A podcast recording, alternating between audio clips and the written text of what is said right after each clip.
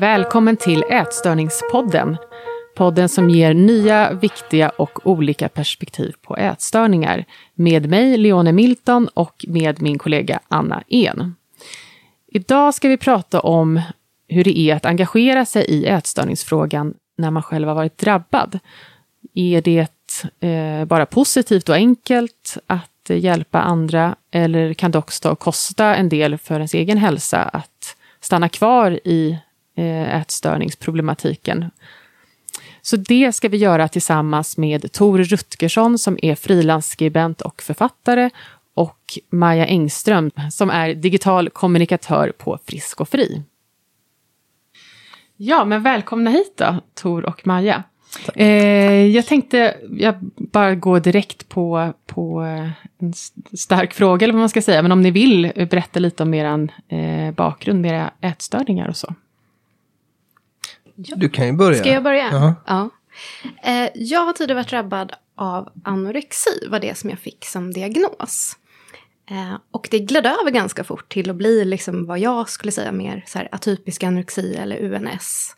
Och också att det liksom förändrades lite i mina beteenden. Så som en ätstörning ofta liksom blir, att det förändras lite över tid. Liksom. Eh, men under hela perioden som jag var sjuk så var det ändå liksom i ett så restriktivt läge som jag var i. Atypisk och UNS, är det samma sak eller är det två olika saker? Det är lite, ja, det skulle jag säga att det är samma sak, men utifrån två olika diagnosmanualer. För det är här som också kan göra det lite rörigt, att vi har, det har ändrats namn på de här diagnoserna. Liksom. Så hur, hur, skulle du beskriva då, alltså vad är, vad är det ena och vad är det andra? Om man är, om man är som jag, att man inte vet så mycket. Ja, nej, men att man inte helt uppfyller så här, diagnoskriterierna för anorexi eller för bulimi. Men att det är väldigt liknar liksom. Och det var nog det läget som jag var i längst. Även om det liksom var att jag fick en anorexidiagnos. Och hur länge pågick det här? Jag var sjuk i ungefär fem år. Under åren? Eh, från att jag var 16 till så att jag var liksom om runt 21. Ja. För mig var det på gymnasiet så eh, blev jag så att säga sjuk i anorexi eh, och det gick över till bulimi efter gymnasiet. Eh, och sen har jag väl haft två återfall i vuxen ålder liksom. Under 20-årsåldern primärt. Kortare, inte lika allvarligt, men ändå eh, jobbiga. Så att det är väl där, och då har det varit, och liksom innehållet också hetsätning och sånt där. Så att det är lite blandad komplott, kompott, kom, mm. inte komplott, Nej, en komplott mot kom mig. Men, ja. ja. mm. okay. men just du nämner återfall där, alltså att du fick, eh, kan du berätta lite om det? Alltså vad, för det är något man kanske inte pratar om lika ofta, återfallen, som man pratar om Mm.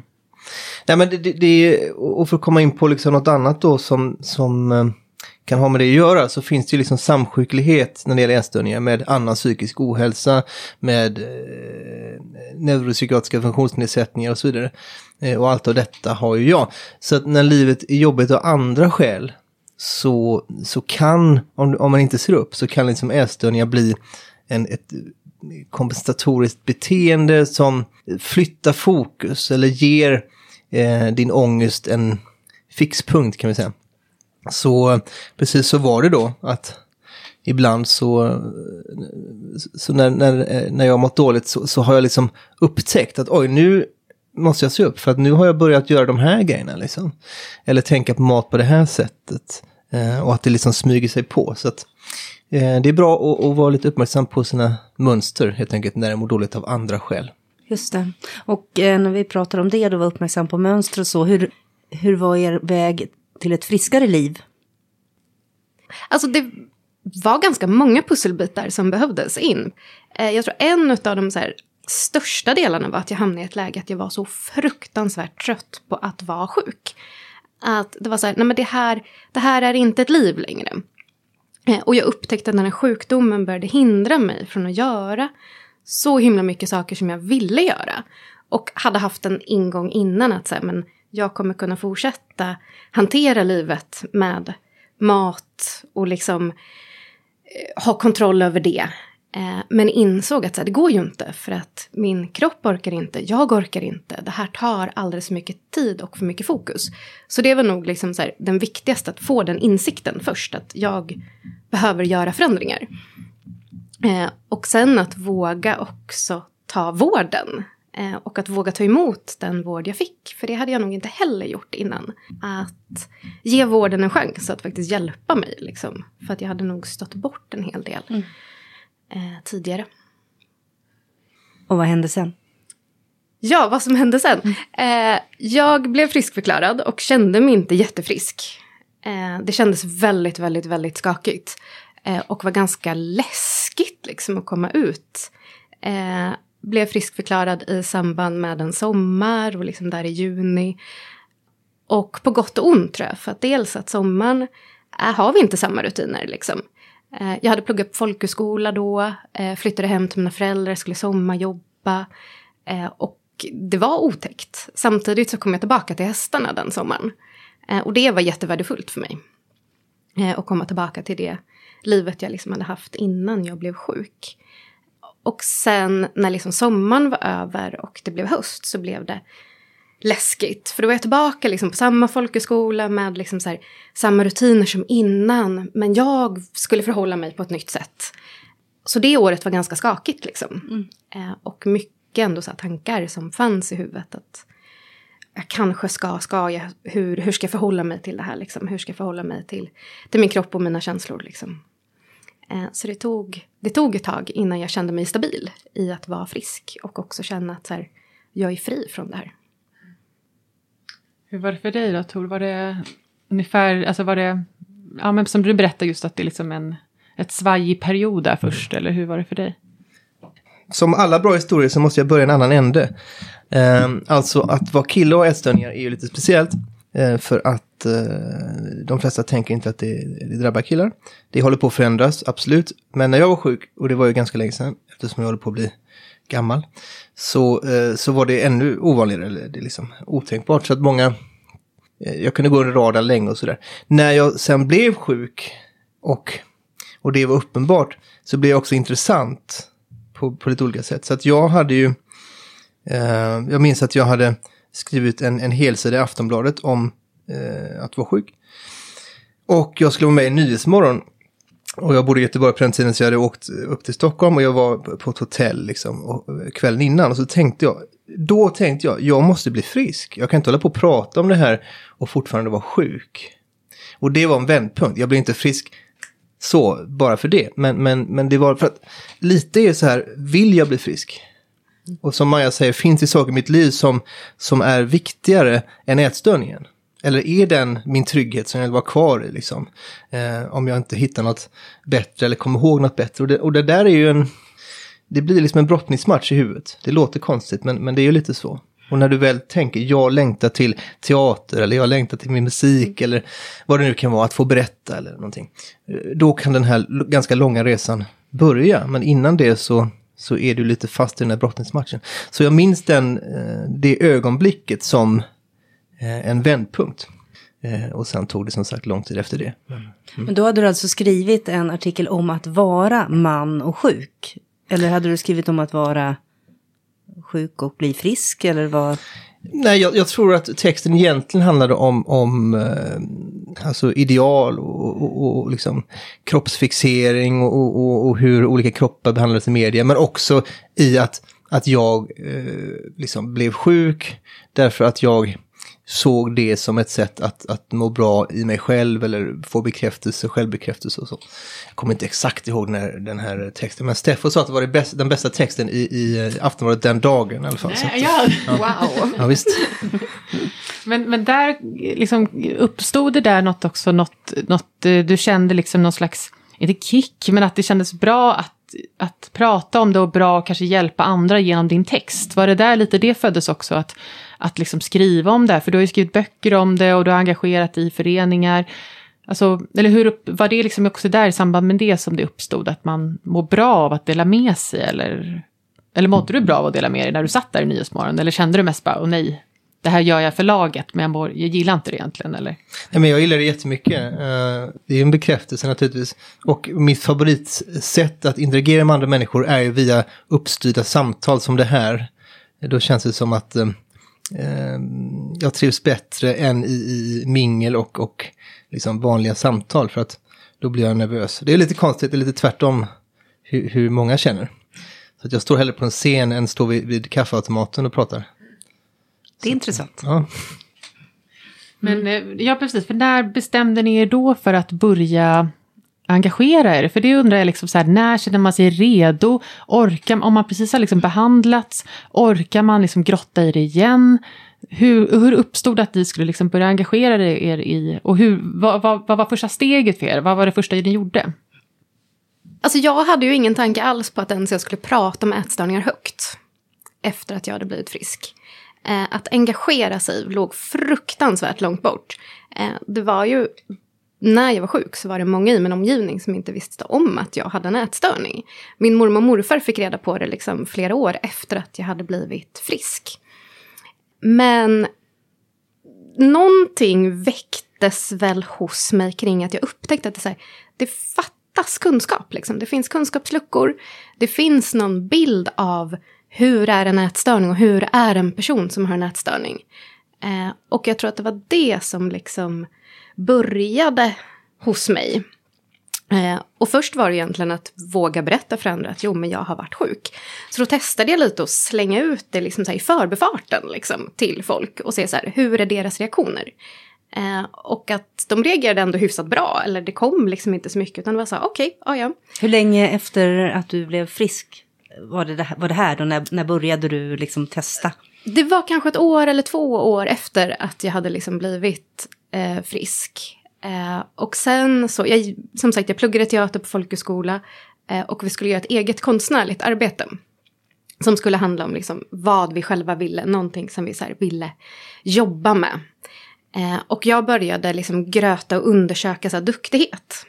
Men hamnade otroligt fort i liksom ätstörningen och de, den delen av mitt liv. Eh, så det blev liksom en föreställning kring eh, mina erfarenheter och lite så här framförallt vägen in och att vara i det och sen att komma till beslutet att faktiskt bli frisk. Så det var väl så här första och det blev också lite ingången till att jag började engagera mig. Eh, jag har ju varit engagerad i de här frågorna så vansinnigt länge nu. Hur länge då? Eh, sen 2010 kom jag in i Frisk och Fri som då hette anorexi bulimikontakt som volontär. Eh, och är kvar fortfarande. Sen har jag gjort massor med saker liksom parallellt. Eh, Ska vi, ska vi, för de som inte vet, vad är Frisk och Fri? Kan du berätta Ja. lite grann? Frisk och Fri är Riksföreningen mot ätstörningar som är en ideell organisation. Och vi finns för personer som har mycket tankar kring mat, kropp, ätande. Eh, som har en ätstörning, som kanske tror att man har en ätstörning. Eh, men också för personer som är närstående. Eh, så har en stödverksamhet, bland annat via liksom mejl, telefon, chatt. Där man kan höra av sig och prata med volontärer som har tagit sig ur en ätstörning. Eh, men vi har också liksom en utbildningsverksamhet och vi jobbar påverkande för att förändra vården, liksom och göra vården bättre. Och där kom du in då 2010. Ja, Och vad gjorde du då? då blev jag volontär. Och ganska snabbt så fick jag uppdraget som kontaktperson i lokalavdelningen Norrköping-Linköping. Och undrade lite så här, shit, vad har jag tackat ja till? Vad, kan jag det här överhuvudtaget? Eh, har jag någonting att ge liksom? Eh, och det var väl också där som jag tror att mitt engagemang för att också ge stöd till andra började. För det hade jag inte riktigt från, från start, utan det var mer den här förändra bilden av ät, ätstörningar är att bredda den och liksom nyansera lite grann. För jag var ganska trött på att det handlar inte bara om mat, men det är den bilden vi får i media. Det blir liksom det här, eh, jag vill liksom kunna visa mer på att det är så mycket känslor som är ihopkopplat till det här, att det handlar om, det handlar om hela livet liksom. Eh, men att stödet gav mig också, det gav någonting att, att få ge stöd till andra. Vad då? Eh, att, ja, men att min egen erfarenhet inte, eller de åren rättare sagt, eh, inte var bortkastade. Att också få tillbaka att så här, tack att det är någon som förstår. och det var kanske lite det jag själv hade saknat. Liksom. Men att nu, nu kunde jag ge det till någon annan. Ja, men precis. Jag, jag, kan ju verkligen känna igen mig i det där just att, att åren inte ska vara bortkastade. För det var ju det som gjorde också att jag började liksom skriva om, om de här sakerna. Just för att då känns det som på något sätt att Ja men precis, annars hade det bara varit skit. Och man, nu känns det som att då, då har man användning för det på något sätt. Kände du också det, Tor, du som har skrivit mycket om det och sådär? Så att, att man kan, att, ja men att precis som du säger, att det, det känns som att man, det, det skedde liksom inte förgäves på något sätt. Eller hur, hur såg det ut för dig? Ja, men det, det är nog eh, precis så att eh, vad kan jag göra med det här? Eh, lite grann så är ju våra upplevelser också någon slags kunskap. Och eh, jag menar, inte minst för Frisk och Fri så handlar det om liksom den egen erf- eh, liksom upplevda eh, kunskapen, eller vad kallar, vad kallar ni det? Egenerfarna. Egen erfarna Ja, kun... kunskapen. Just det.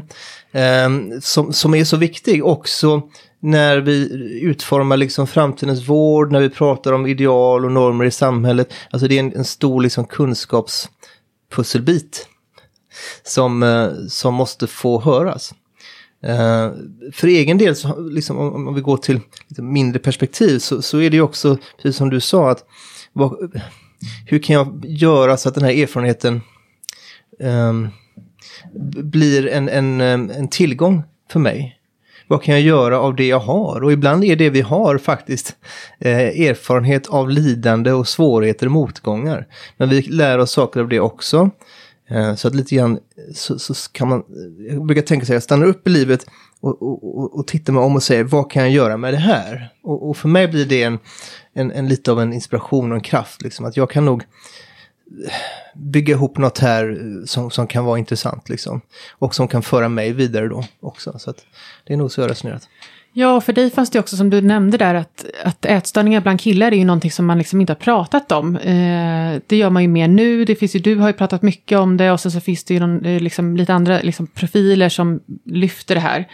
Men för dig blev det liksom, då hade du ju ett lite tydligt kanske fokus, du hade ju liksom, där fanns det ju någonting du verkligen kunde förändra. Eh, alltså så, kände du att du tog på dig den rollen liksom, att okay, nu ska jag, hade du liksom en mission där att, ja men nu ska jag göra så att eh, unga killar förstår att de inte är ensamma när de spyr upp maten? Eller hade du någon sån tanke med det, liksom, att du hade en målsättning med ditt engagemang? Eller var det med att du vill bara prata och lätta ditt hjärta? Eller hur? hur? Jag tror, när, när det började så, så var det liksom en kombination av någon slags nödvändighet, en väg ut för mig att berätta och så. Och prata och skriva och resonera och fundera. Eh, men också kanske att jag var arg liksom. Eh, över ja, men, eh, utseendefixering, över liksom samhällets eh, normer och mm, förenklingar av psykologiska tillstånd och sånt där. Och sen pratade jag inte om det på, på ganska många år. Tills jag blev aktiv i Frisk och Fri då. Eh, Så att det, det var ett långt uppehåll. Men varför hade du det uppehållet? Alltså vad, så det först skrev du då debattartikeln där i Aftonbladet och var med, i Nyhetsmorgon. Och sen så pausade du lite och sen tog du upp det igen då, eller? Ja men det var liksom en, en, ett varv där jag, jag gjorde någon liksom, grej i den här ungdomstidningen Chili, eller vad den heter, Chili, Chili, som fanns på den tiden, i antiken alltså. Eh, och ehm, eh, jag vet inte om jag var med i GP också kanske. Lite, sånt. det var liksom en, en liten eh, vända. Men, men sen så, så var det andra saker i livet som, som var viktigt för mig, som jag fokuserade på.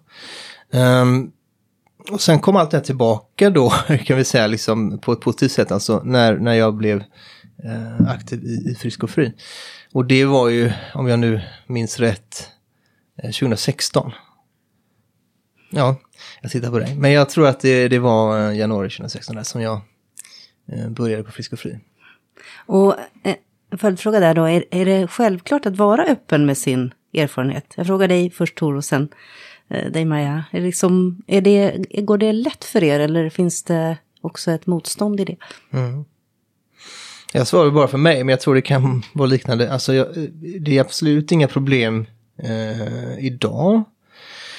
Eh, jag tror att någon gång i livet har jag känt att jag vill inte prata om det här mer. Eh, jag vill inte att det ska definiera mig, men nu känner jag liksom inte att det gör det. Jag är väldigt många saker, jag är, ju som alla människor liksom. en, en komplex varelse sammansatt av erfarenheter och ja, ni vet allt det där. Eh, så att eh, jag har inga problem med det idag, har en ganska bra distans till det också, liksom, tror jag, just ätstörningar.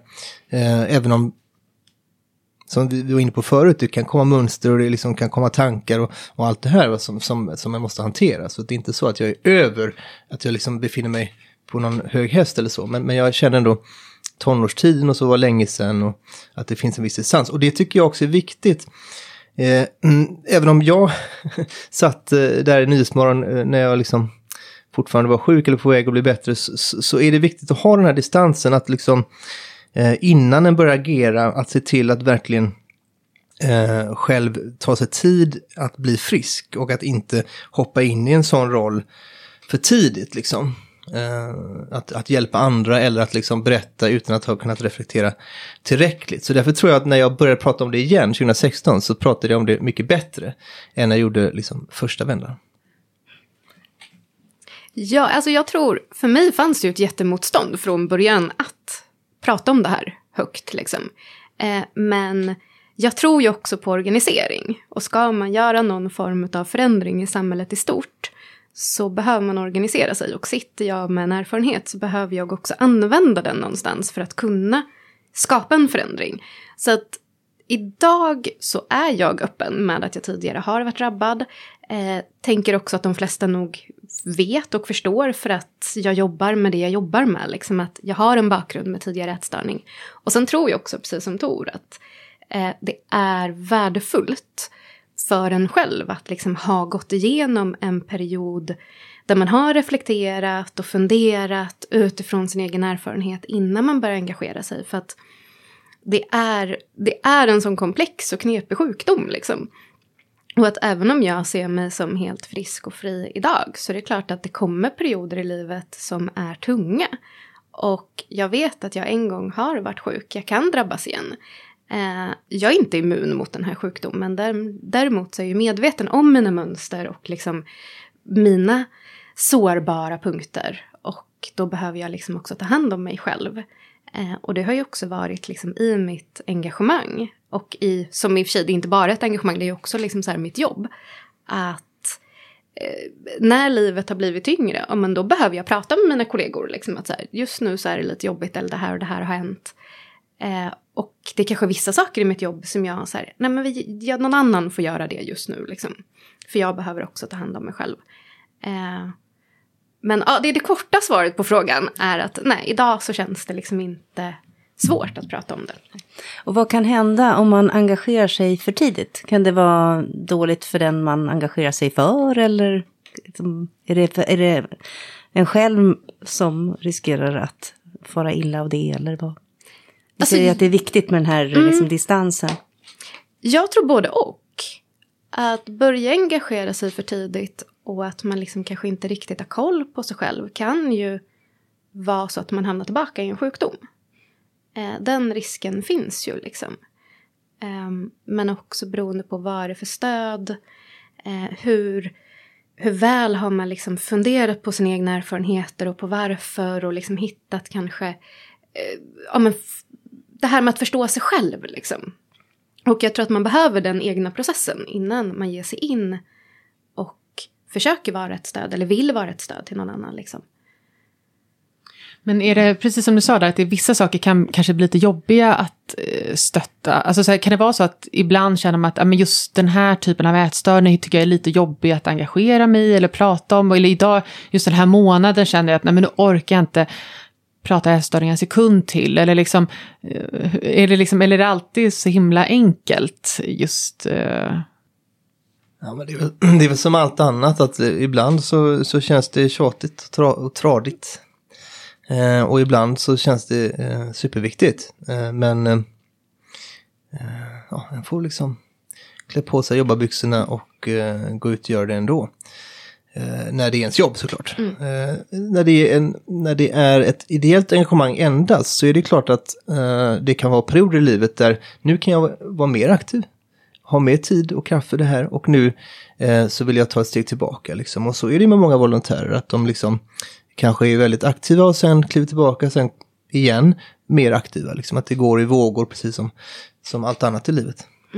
Nej men absolut. Eh, och jag tror att i det jag gör som jag också får betalt för, som ibland kanske att men jag gör samma sak, jag har svarat på samma typ av mejl. Men att i de lägena när det känns som att så här, nu, bara, oh, det händer ingenting, kan vi så här, förändringen. Att då har jag ofta backat lite grann och hoppat in i just rent ideella uppdrag. Eh, så då har jag hoppat in i chatten för att komma närmare verkligheten och också komma närmare det så här, ja men det är ju det här vi är. Eh, det är här vi som förening eller här och jag och mina erfarenheter kan göra någon, någon form av skillnad just i den här stunden. Och jag skulle ju inte kunna göra det jag gör i Riksföreningen om jag inte också fick ha en liten ideell kvot i chatten eller som mentor eller liksom svara på stödmejl som jag gör eh, i lokalavdelningen finns jag fortfarande kvar i liksom, eh, som verksamhetsledare. Eh, så de stödmejlen blir ju superviktiga för att det är också där jag ibland, när man hamnar i det här läget, nu är det lite så här uh, motigt, eh, så blir det mer på riktigt liksom. Och vad, vad, vad ger det dig då, när du känner det? Nej men att få göra skillnad, eh, men också att få finnas där för någon annan. Eh, för det är också de mejlen som kan komma ibland eller att eh, det kommer ett meddelande på, i våra sociala mediekanaler med någon som har fått stöd från oss. Att det är så här, tack, ni har, ni har förändrat. Eh, då är det så här, yes, det är ju därför jag gör det här. Liksom. Eh, de grejerna, det, det är liksom viktigare än Nyhetsmorgonsoffan. Rent liksom så här, för mig personligen. Så, att det är så här, vi har varit med och fått vara en viktig pusselbit i någons tillfrisknande. Har era engagemang också hjälpt er vidare en ytterligare bit på er egen, er egen process på något sätt? Alltså ni, ni pratar om att det var viktigt att ha distans eh, till sjukdomen och så vidare, men, men vi vet ju samtidigt att det här är någonting som, som finns med eh, kanske i hela livet eh, på något sätt, eller har engagemanget varit viktigt ur den aspekten?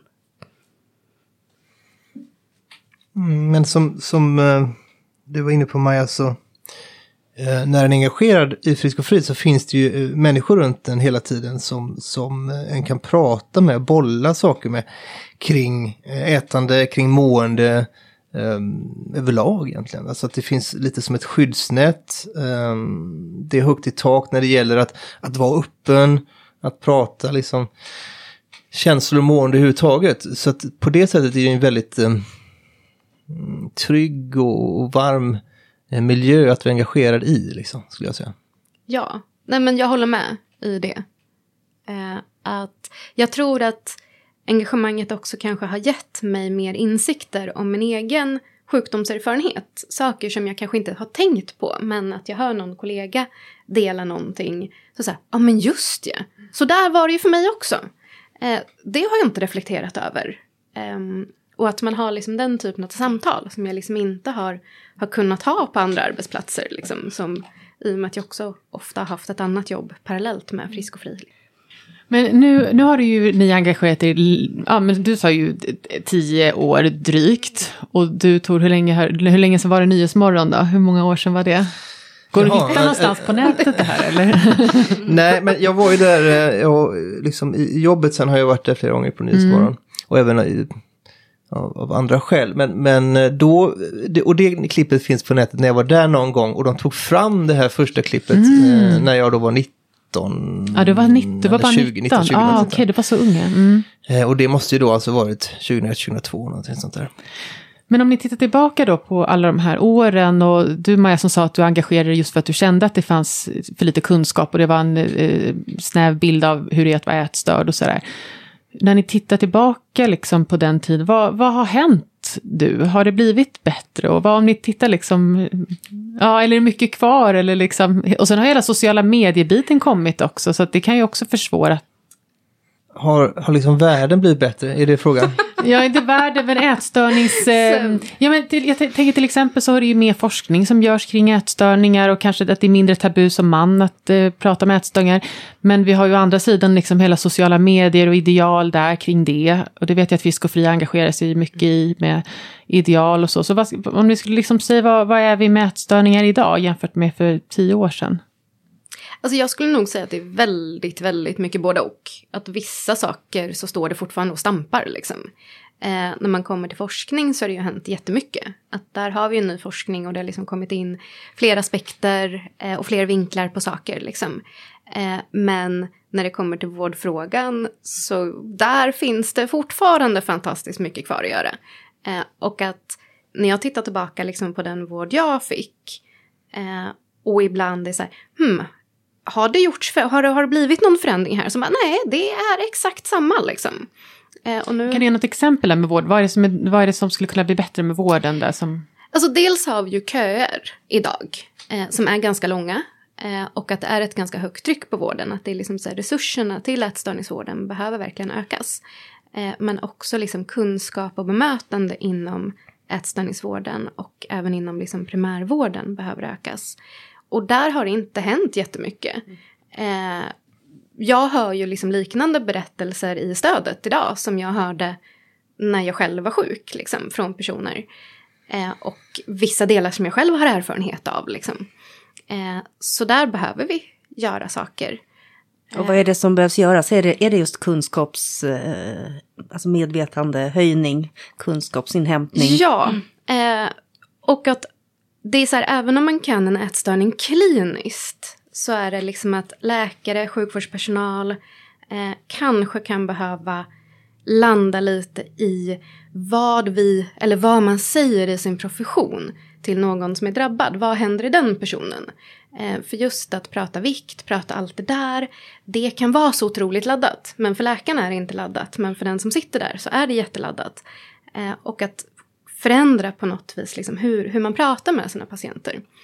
Eh, och vad är hjälpsamt liksom. Eh, jag har hört kommentarer från liksom läkare, eller då är det via stödsökande liksom, men från läkare inom allmän psykiatrin där det finns liksom ett stödningsteam som är så här, det här ska inte komma ur en läkares mun 2021 är vi nu i, ja. Eh, det var inte okej på 90-talet, men det är definitivt inte okej nu. Det borde ha hänt någonting, liksom. men det har det inte riktigt. Så där, eh, bara, ja vi har lite att göra och det är sånt som kan göra mig lite arg och ge mig ännu mer glöd att fortsätta göra det jag gör. Liksom. Mm. Det är ju otroligt viktigt. Mm. Men äh, rätta mig om jag har fel nu då, äh, Maja, men det finns väl äh, tio liksom, krav för en bättre ätstörningsvård? Precis, det gör ju det. Nio krav finns det. Nio är det till Ja, nio krav för en bättre ätstörningsvård. Jag har inte jobbat på en månad här. Nej. Vad är det? Men nio krav för en bättre ätstörningsvård är ju helt enkelt nio krav som Frisk och Fri har tagit fram. Eh, och som vi använder liksom i vårt påverkande arbete. Eh, riktat liksom till politiker, till beslutsfattare men också riktat direkt till liksom vården. Eh, för att det ska bli bättre. Liksom. Mm. Eh, just att folk inte ska hamna mellan stolarna. Att det här kring eh, samsjuklighet eh, och dubbeldiagnoser att det är också någonting som behöver mer kunskap kring. Och att det ska vara lika liksom, möjlighet till bra vård var du än bor i landet. Mm. Att det inte ska vara så här, tyvärr kan vi inte behandla hetsätningsstörning här. För att vi har inte de resurserna till exempel. Det, är ja, inte eller det står inte i vårt uppdrag. Exakt, mm. upphandlingen mm. innefattade ja. inte det. Eller individanpassning, mm. kan jag vara vegetarian och få, få hjälp? Eh, nej, det kan jag inte. Men jag kan det där borta. Ja, konstigt. Eller om det kan vara liksom närståendes roll och stöd och förståelse för deras situation till exempel. Att de kan vara en del av, um, av uh, tillfrisknandet. Men också att de behöver liksom resurser och hjälp. Uh, så att det finns en del konkreta liksom punkter. Det, det är nästan som ett intressepolitiskt program mm. kan man säga. Som finns tillgängligt på uh, friskfri.se, är det inte så? Jajamän, mm. internets viktigaste hemsida. Mm. Verkligen, bra. Men Tore, du sa i, i början här att det hade blivit mer samtal om att det var, om man var man och har nätstörning, att det hade hänt någonting runt det mm. samtalet. Vad, är det under det här decenniet som du har varit med eller de här två mm. decennierna? Det, det, är absolut så att vi pratar mer idag om eh, ätstörningar eh, liksom, som att, att det kan drabba män. Eh, och, men samtidigt så är det också så att det finns om vi säger så här, jag brukar tänka på ätstörningar som en gren på trädet psykisk ohälsa. Och en ätstörning beror ju ofta på att du känner någon form av ångest, någon, någon, form av oro, någonting är fel. Det kan också ha med trauma att göra, alla möjliga saker. Men eh, vad är det som gör att det blir en ätstörning och inte någonting annat? Jo, det är ju att den här ångesten triggas till att fokusera på, eller du fokuserar ångesten på kropp och ätande. Eh, och det gör du därför att det är något, något yttre som tillkommer. Det kan vara alltifrån att du liksom är magsjuk och, och liksom äter på ett annat sätt under period till eh, normer och ideal i samhället. Liksom att, eh, för att vara lyckad och framgångsrik ska det se ut på det här sättet. Varför är det fler kvinnor och män som drabbas av ätstörningar? Jo, det är för att det finns fler normer och ideal för kvinnor och män i samhället överlag. Men eh, kroppsfixering och liksom ideal och hur du ska se ut för män har ju ökat under de här två decennierna som vi precis pratade om. Det betyder att fler män också drabbas av ätstörningar. Så att det är liksom en utveckling där det är mer okej okay att prata om det och det är ju bra. Men också där fler män drabbas och det är ju dåligt. Eh, istället för att vi har mindre eh, liksom av den här negativa liksom, eh, normeringen för kvinnor så har vi istället fått eh, lika mycket för kvinnor och sen mer också för män. Så att på det sättet så är det ju inte en positiv utveckling. Eh, så att eh, svaret blir ja och nej. Det är liksom kanske lite öppnare samtalsklimat men det är också eh, en, en, en hårdare Eh, det är hårdare krav och eh, ideal runt oss helt enkelt. Ja men precis, och för män är det ju också svårt för då är det hela den här liksom, där, jag tänker, där ökningen har skett, är det liksom hela så här muskelkulturen och, för det är väl också så här att, det glömmer man ju bort ju, att man tänker ju på nätstörning då som ja, men hetsätning, bulimi, anorexi. Man kopplar ju kanske inte alltid ihop den med liksom bodybuilding, styrketräning och hela biten. Har det blivit, pratar man mer om det? Eller pratar man tillräckligt mycket om det? Eller är det ett problem? Mm, ja, det, no, um, ehm, så här. För då eh, 30 år sedan så var väl den vanligaste ingången till ätstörningar var eh, bantning kanske. Det var det som triggade igång, eh, om vi säger så. Och idag så är det eh, träning och att vara nyttig.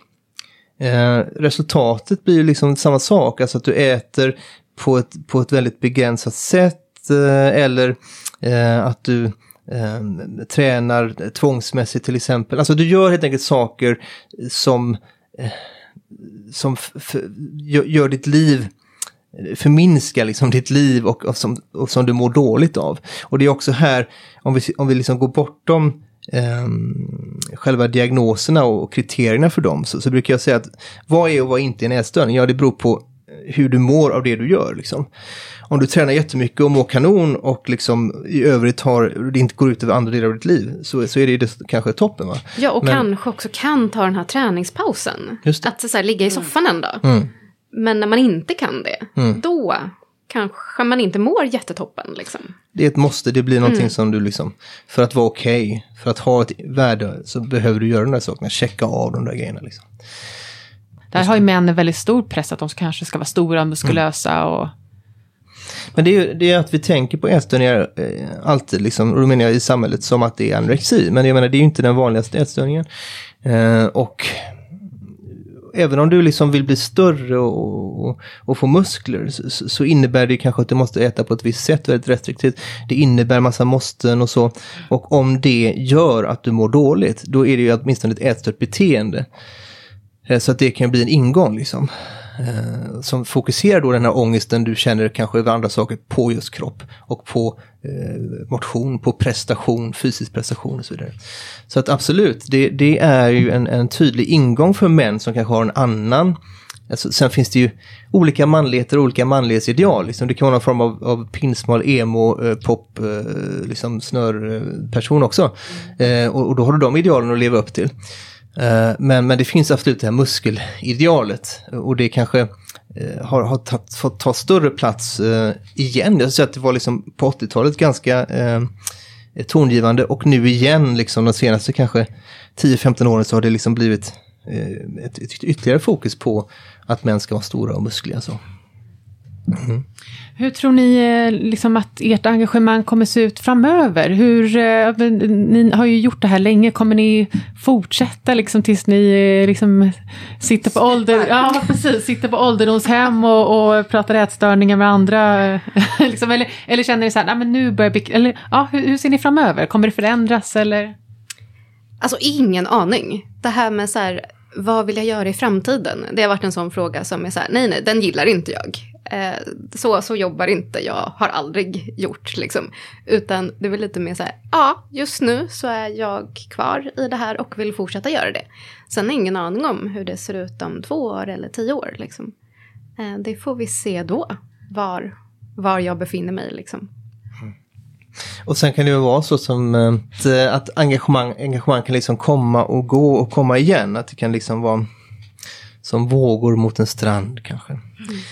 Men det är ju, apropå liksom missförstånd och, vad heter, brukar vi kalla det för? Missförstånd och myter. Myter, myter ja. ja. Så det här med att liksom ätstörningar bara drabbar eh, ungdomar, liksom, eller så. Det är inte sant, utan, utan du kan ju drabbas av ätstörning genom hela livet tyvärr.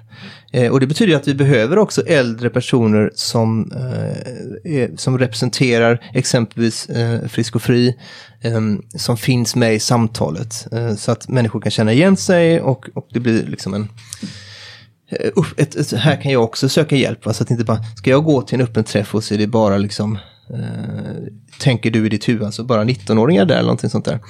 Eh, så att vi, vi behöver ju eh, engagera oss i olika åldrar. Sen om det, om det är vi, eh, det vet inte jag. Men, Nej, precis, eller om mm. det är någon annan. Ja, vill ni, vi kan väl, sista fråga kan väl vara liksom, om, ni, om någon som sitter och lyssnar här funderar på att engagera sig. Vad, vad kan ni ge dem för råd? Något, något konkret eller något allmänt sådär?